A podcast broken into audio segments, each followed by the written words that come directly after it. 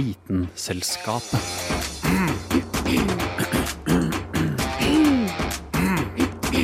Vitenselskapet. Hei, hei. Og velkommen til en ny sending av Vitenselskapet. I dag med meg, Sunniva Sol Sandnes Blix.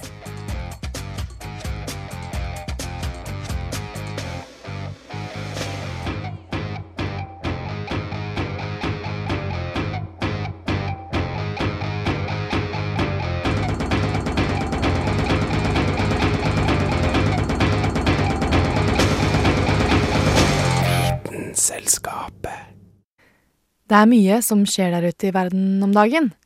Og straks skal du føre litt om blant annet stamcellebehandling, bitcoin, brusmaskiner for luksusbiler og stadig smartere roboter. Men først, hva er det som finnes i havet og kan bli opptil én kilometer lang, én kilometer bred og 100 meter dyp?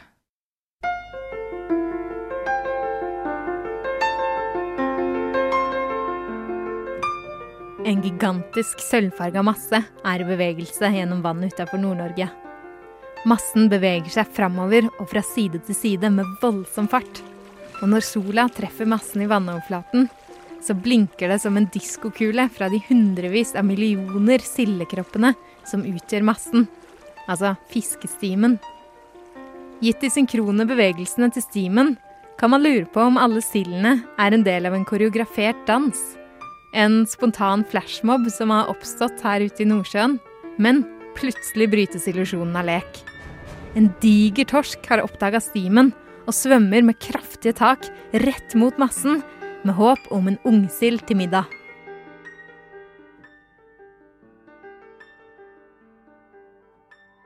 Fiskestimen har imidlertid andre planer.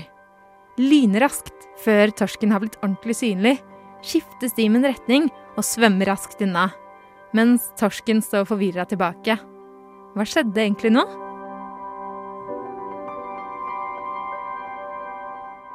Det som skjedde, var at hver enkelt sild dro fordel av å svømme sammen i stim, og dermed unngikk å bli drept av torsken.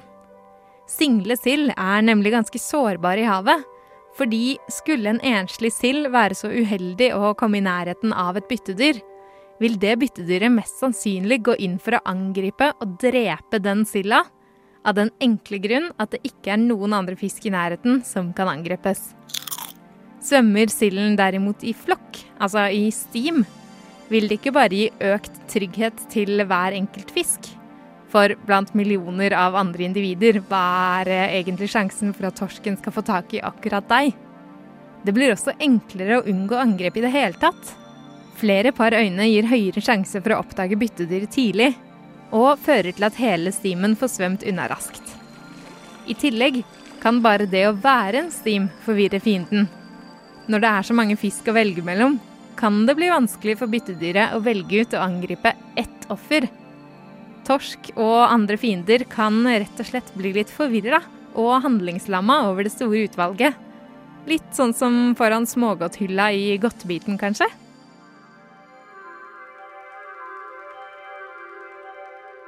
Vern mot fiender er imidlertid ikke den eneste grunnen til at fisk svømmer i stim.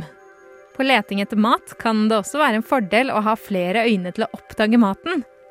Og dersom fiskene skal vandre til et sted, er det nyttig med flere individer som har en formening om retninga, fordi det da er enklere å holde riktig kurs mot målet. Men betyr dette at fiskene i en stim forholder seg til en eller flere ledere, som holder dem på riktig kurs og bestemmer oppførselen til de andre fiskene i stimen? Ikke helt. Så langt forskerne har klart å finne ut, har nemlig ikke en fiskestim en leder, men stimen er desentralisert.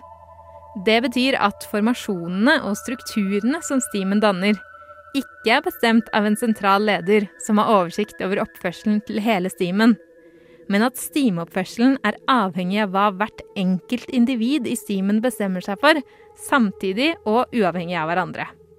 Selvfølgelig påvirker fiskene hverandre, men dette skjer altså på et lokalt nivå. Man kan si at stimens oppførsel bestemmes av hva nabofiskene bestemmer seg for, og dette skaper en kollektiv bevegelse.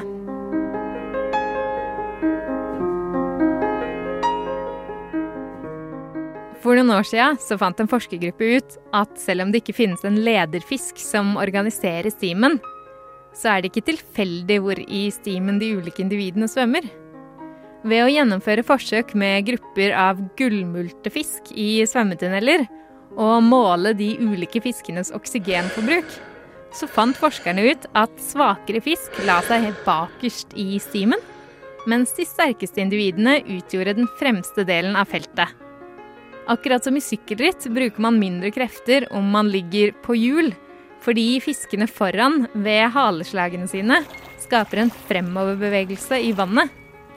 Faktisk brukte de bakerste fiskene 12% mindre energi enn fiskene foran. Og dette gjør at selv svakere fisk klarer å holde følge med stimen under jakt og flukt. Sammen er fisk altså sterkere.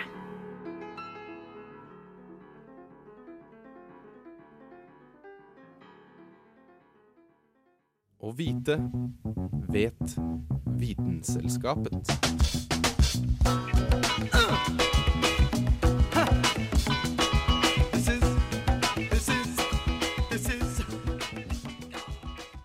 Og lurer du på hvordan man praktisk måler oksygenforbruket til en fisk?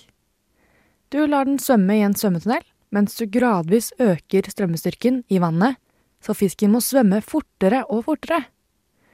Når den blir utfattet, treffer den kanten av kammeret, og da kan fisken flyttes til et respirometer som måler oksygenforbruket. Denne saken var laget av Hanne Grydland. Hæla i taket med Vitenselskapet.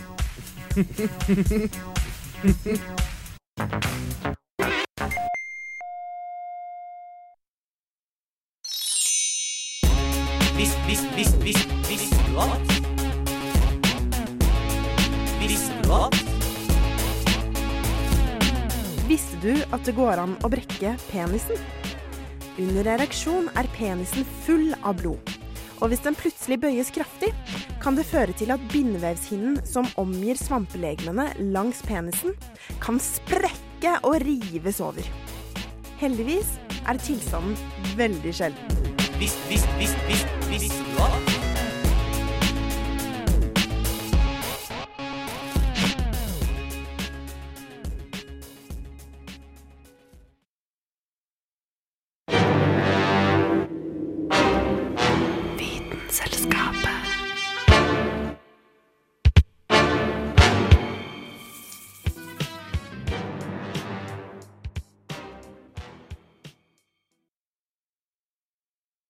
Penger er ganske nice, men nå om dagen er det vel sjelden de fleste av oss går rundt med mer enn en hundrings i lommeboka.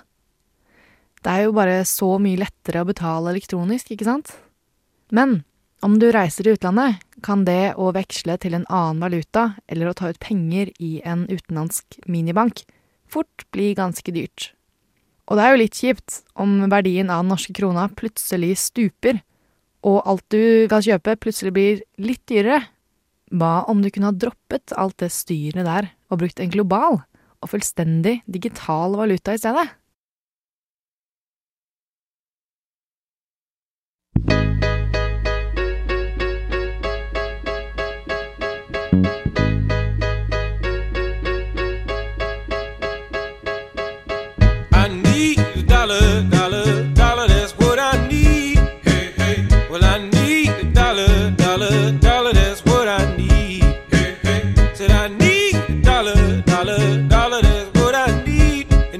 Share with you my story, would you share your dollar with me? Woohoo! I dag får vi nye sedler. Ut med Christian Birkeland og Kirsten Flagstad. Inn med torsk og vikingskip. Men eh, unge tunger vil kanskje hevde at dette her var skikkelig unødvendig. For eh, hvem bruker egentlig cash nå om dagen? På loppis til og med foretrekker de jo vips, og på offentlige toaletter rundt om byen kan du ikke betale med mynter engang, kun kort. Ok, kontanter vil kanskje ikke forsvinne fullstendig som betalingsmåte helt med det første, men samtidig dukker stadig nye digitale betalingsmåter opp. Men det de alle har til felles, er at selv om de er nettbasert og ikke kontantbaserte systemer, så bygger de, og er fullstendig avhengig av, akkurat det samme, nemlig banker og et sentralt og etablert system. Men i 2009 ble det lansert et mulig alternativ til sentralbanker, som mange hevder kan potensielt radikalt endre måten vi tenker om å håndtere penger på. Om du ganske ok regelmessig scroller nettaviser eller har sett et par episoder av noen amerikanske TV-serier, har du kanskje fått med deg at det er noe som kalles bitcoins, som du kan bruke til å kjøpe ting på internett. I fjor frontet NRK en sak om nordmannen Sturre Sunde, som helt tilfeldig oppdaget bitcoins høsten 2010, og kjøpte et par ullsokker for 40 bitcoin-mynter, som da var verdt rundt 30 eller 40 norske kroner. I dag tilsvarer 40 bitcoins rundt 160 000 norske kroner. Det er med andre ord ingen tvil om at bitcoins har økt i både popularitet og verdi. Ok, det er jo flott, men jeg håper at jeg ikke er den eneste som egentlig ikke helt skjønner hva bitcoin er.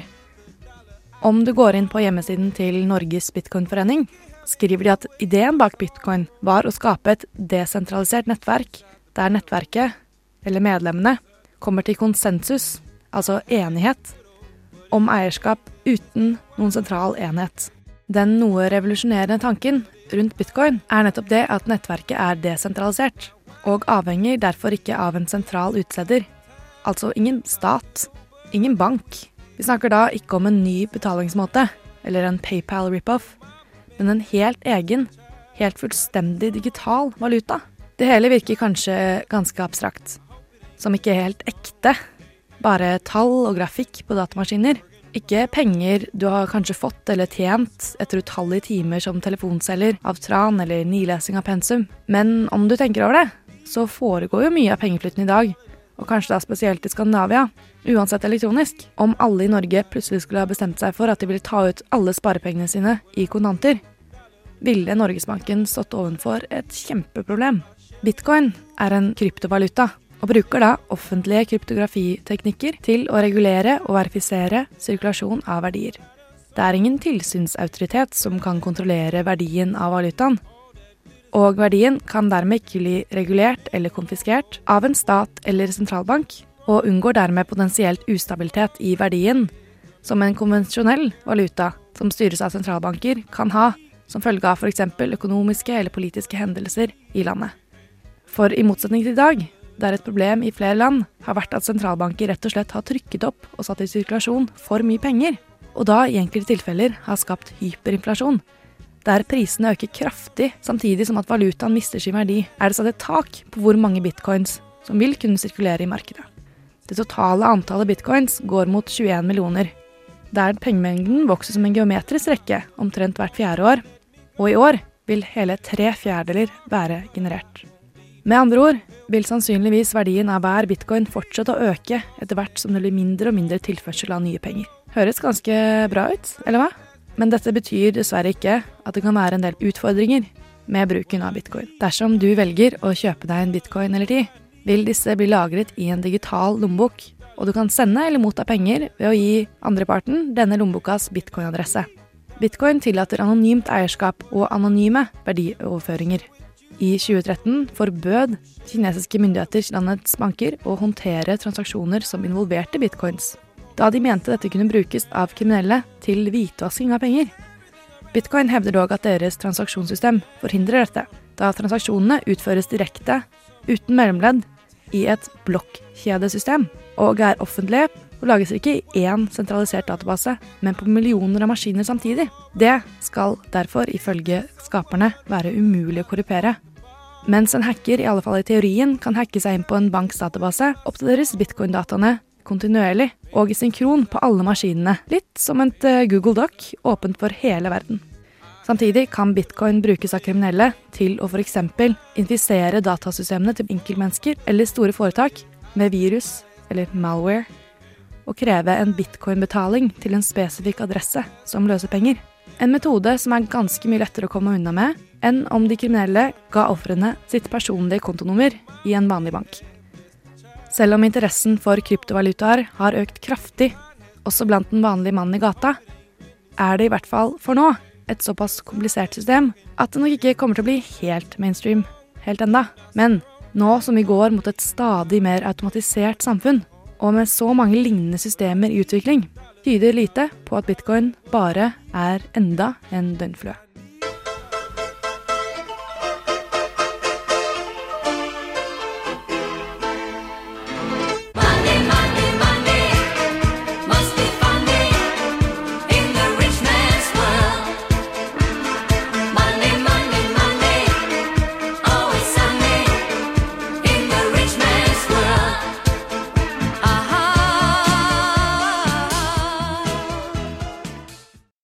Og den saken, den var laget av meg, Sunniva Sol Sandnes Blix.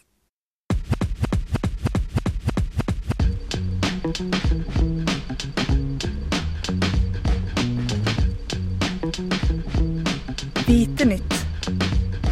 Det du trenger å vite. Ja, og i studio har jeg nå fått besøk av Carl Adam Skam. Hallo, hallo. Og du skal fortelle oss litt om hva som rører seg der ute i vitenskapsverdenen. Eh, ja, det går, eh, det går jo for visse forskjeller. ja. ja, nei, det går jo for seg mye rart der ute, og de finner opp nye ting stadig vekk. Um, roboter er jo alltid veldig interessante, uh, syns i hvert fall jeg. Uh, så uh, du har vel lyst på en robot, kan jeg tenke meg. Du og alle andre. Ja, det hadde ikke vært, hadde ikke sett noe, det hadde ikke vært noe veien for å ha en liten robot som var hjemme og ordna ting for meg. Mm, kan vi sagt til det at du kan faktisk lage en robot sjøl? Hæ? Selv? Eh, ja. Det er, det er noen modifikasjoner på det her, da. Du må ha en 3D-printer. Aha. For med en 3D-printer så kan du printe det meste. Og finner her, som heter Gael Langvin, eh, som har laga en InMove-robot. Og disse robotene her er open source, og det betyr at eh, det er ikke noen patentrettigheter knytta til planene til det du skal skrive ut. Så hvem som helst kan gjøre det, og bygge videre på det. Og hvis du har en 3D-printer, kan du skrive ut delene. Så er det å montere dem, da. Det krever en del tid. Det er litt mer komplisert enn Ikea, det her. Så de har montører rundt omkring som kan hjelpe, men det er fryktelig kult at du kan gjøre det sjøl. denne roboten her, ehm, den er jo ikke helt der framme i framtida enda. Den er en robot som vi har i dag. Den eh, står opprett. Det er ganske kult. Eh, den eh, kan bevege seg ganske smooth. Oi. Ikke veldig fort. Jeg så en YouTube-video av en bartenderrobot. Men du kan se for deg at du spilte den av i sakte film, da. Ja. Det var ikke den mest effektive, men veldig stilig å ha hjemme. Så det er som Eh. en personlig kelner, da, for eksempel. For eksempel. Um, det prosjektet her har spesielt tiltenkt skoler og sykehus. Sånn at det kan være bra for unger å ha en robotvenn rundt seg. Hvis du kobler den her til internett, så kan svare på spørsmål ved hjelp av Wikipedia. For den ser nesten menneskelig ut, men den mangler den viktigste delen. Den har ikke født, den har en Segway. En Segway, selvfølgelig. En open source Segway som en triller rundt på rundt eh, bakken. Eh, men apropos eh, født, da, så er roboter Å ha noe annet enn bare hjul, det er litt komplisert, men de driver jo og forsker på det òg. Eh, så på The University of California San Diego har de begynt å forske på roboter som kan gå på ulendt terreng. Det er jo en veldig fordel. Det er en veldig fordel, men det er veldig vanskelig. Eh, fordi du kunne gjort det hvis du hadde tatt et veldig presist bilde og analysert det, så kunne du klart det med litt dårligere føt. Men det krever veldig mye. Så de prøver å ha noe som heter soft robotics, eh, som gjør at leddene trekker seg sammen. Det er ikke en hard, eh, ei hard stang, som du tradisjonelt ser for deg med en robot, kanskje Aha. men det trekker seg sammen. Og da kan det mye lettere komme seg over eh, stein og sand og sånn, ser du. Eh, for det som er at det er printa deler her òg. Dette er i forskningsstadiet, da. Det er ikke noe du kan få sjøl. Men eh, de har det, og myke deler, som går sammen. Og det er eh, gummikammer som trekker seg sammen. Som eh, gjør eh, at det kan bevege seg framover, da. Og det er de sier at det er inspirert av forskjellige sjødyr, f.eks. blekkspruter. Jaså. Så det er virkelig, virkelig, ser virkelig ikke ut som noe menneskelig. Men er ikke det egentlig noe som har vært veldig fint for folk som f.eks. er lamme, da? Ja, det er en framtidig rullestol som ikke ruller, men går, Aha. og kan gå overalt, hadde vært ei veldig bra bruk av denne teknologien her. Absolutt. Absolutt. Mm.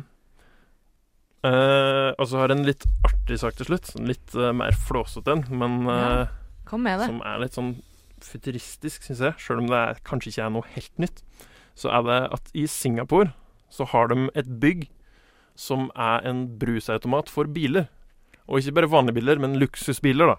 Riktignok. Wow! Det er jo helt fantastisk. For de som har råd til det, i hvert fall. For dem som har råd til det, er det fantastisk. Det er ei diger blokk der eh, du kan se framsida Se bilene ut framsida i sånn glass, sånn som en vanlig brusautomat.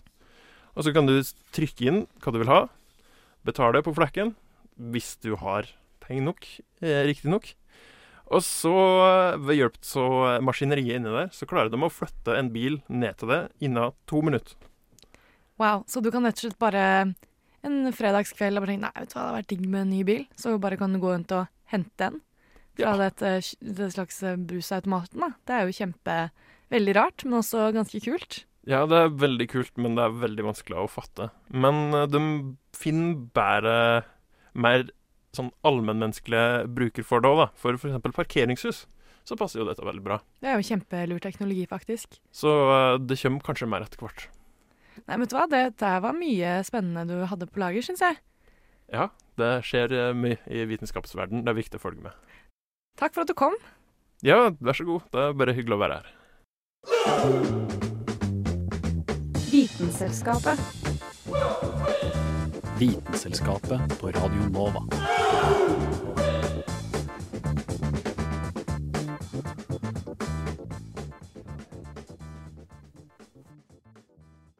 Å bruke stamcellebehandling har blitt vanligere og vanligere etter hvert som teknologien har blitt bedre og bedre.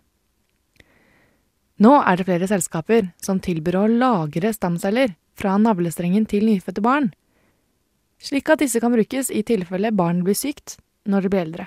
Men er det egentlig noe vits å lagre sine egne personlige stamceller?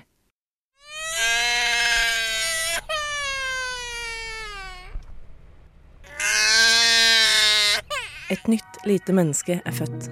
Navlestrengen klippes, og navlestrengen og morkaka og alt det som kommer ut av kroppen, men som ikke er baby, går i søpla. Det er i hvert fall slik det vanligvis fungerer, men ikke alltid. Noen ganger puttes det i fryseren i stedet, og grunnen er stamceller. Stamceller er noen av de mest interessante cellene forskerne kan jobbe med, fordi de har muligheten til å utvikle seg til alle mulige celler i kroppen. Et menneske består som kjent av mange ulike celler som har sin oppgave, f.eks. nerveceller, hjerneceller og blodceller. Men en gang i tida var alle disse cellene stamceller som oppsto inni egget i livmoren etter at det var blitt befrukta. Når en stamcelle deler seg, kan den enten bli en helt ny, lik stamcelle, eller en spesialisert celle, som f.eks. en hudcelle. Dette gjør at vi i teorien kan bruke stamcellene til å dyrke fram akkurat hva vi trenger, som nye nerveceller eller kanskje en ny lever. Stamceller finnes ikke bare i nylig befrukta egg. Du har de faktisk i kroppen din akkurat nå, bare veldig få av dem. De fleste stamcellene til voksne mennesker finnes inne i beinmargen, men bare én av 10 000 beinmargceller er stamceller. Det finnes imidlertid en annen kilde til stamceller hos fødte mennesker, og det er hos veldig nylig fødte mennesker. Nærmere sagt i navlestrengen til nyfødte babyer. Navlestrengen inneholder blod som er ekstra rikt på stamceller av samme type som den man finner i beinmargen til voksne. Dette blodet kan man høste og fryse ned, slik at man kan bruke stamcellene til å på en måte lage reservedeler seinere om man trenger det. Og folk betaler sånn 20 000 kroner for å få høsta inn og frysende navlestrengceller som en slags reserveplan for barna sine. Som for så vidt høres ganske lurt ut. Men er det egentlig det? Hvis man går inn på de private navlestrengblodbankene, kan det virke som at det å ha fryste navlestrengstamceller er omtrent det samme som å ha en universalmedisin i bakhånd. Men så enkelt er det selvfølgelig ikke. Én ting er at stamcelleteknologien fremdeles er under utvikling, og det man kan få til med dem, fremdeles er ganske begrensa. Stamcellene man finner i navlestrengen, er ikke så fleksible som de aller første fosterskapende cellene, noe som begrenser bruken av dem. Men det er flere grunner til at å lagre sine egne stamceller kanskje ikke er så lurt. Det kan ofte være en fordel at cellene er fra samme person som pasienten, men det er ikke alltid. Noen ganger er sykdommen knytta til cellene i seg selv, og det hjelper jo ikke å putte syke celler inn i en syk kropp. Det er anslått at ca. 0,005% av de som fryser ned stamcellene, faktisk får bruk for dem, noe som betyr at man risikerer å bruke ganske mye penger til ingen nytte. I tillegg er det begrensa hvor lenge man faktisk kan lagre cellene. Celler fra navlestrengen varer som regel i ca. ti år, til tross for at de er frysende, og selv om mange av stamcellebankene mener de kan holde dem nedfryst i 20 år. Ofte kan det også være for lite blod i navlestrengen til at de faktisk kan brukes, i hvert fall til voksne pasienter. Vanligvis brukes stamceller fra navlestrenger bare for å kurere barn og ungdom, nettopp fordi det ikke er så mye blod i den. Og kanskje burde man ikke samle opp så mye navlestrengblod. Forskning viser at man burde la den nyfødte babyen få suge til seg så mye blod fra navlestrengen som mulig. For selv når barnet er ute, fortsetter navlestrengen og morkaka med å pumpe blod inn i babyen.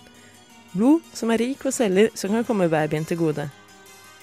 Faktisk er det en stor sjanse for at mange babyer i Norge har gått glipp av en god del nyttig blod fordi navlestrengen ble kutta for tidlig. Å samle opp stamceller fra navlestrengen er allikevel en enkel og smertefri måte å sikre seg en mulig kur på mange kjipe sykdommer. Men å fryse ned sine egne private stamceller kan være litt som å kun donere blod til sin egen private blodbank. Det er også derfor det finnes egne stamcellebanker som fungerer som vanlige blodbanker.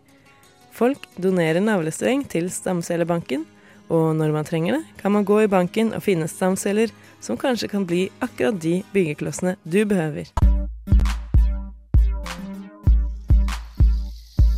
Today's the day we're gonna learn about the cell. If I teach it okay, you'll know it very well. So listen up, sixth graders, no room left for haters. Let's talk about the building blocks of life, cells that make us. Cells, cells, cells, cells, cells, cells.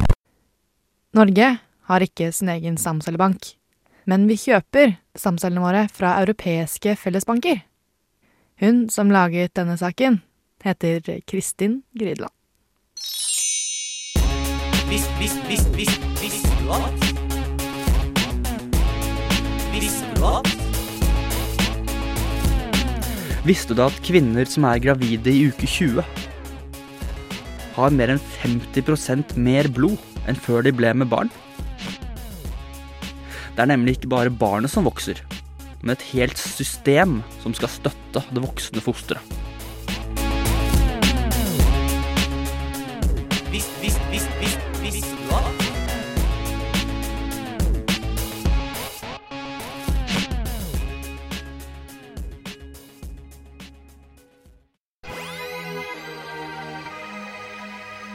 Radio Nova. FM 99,3.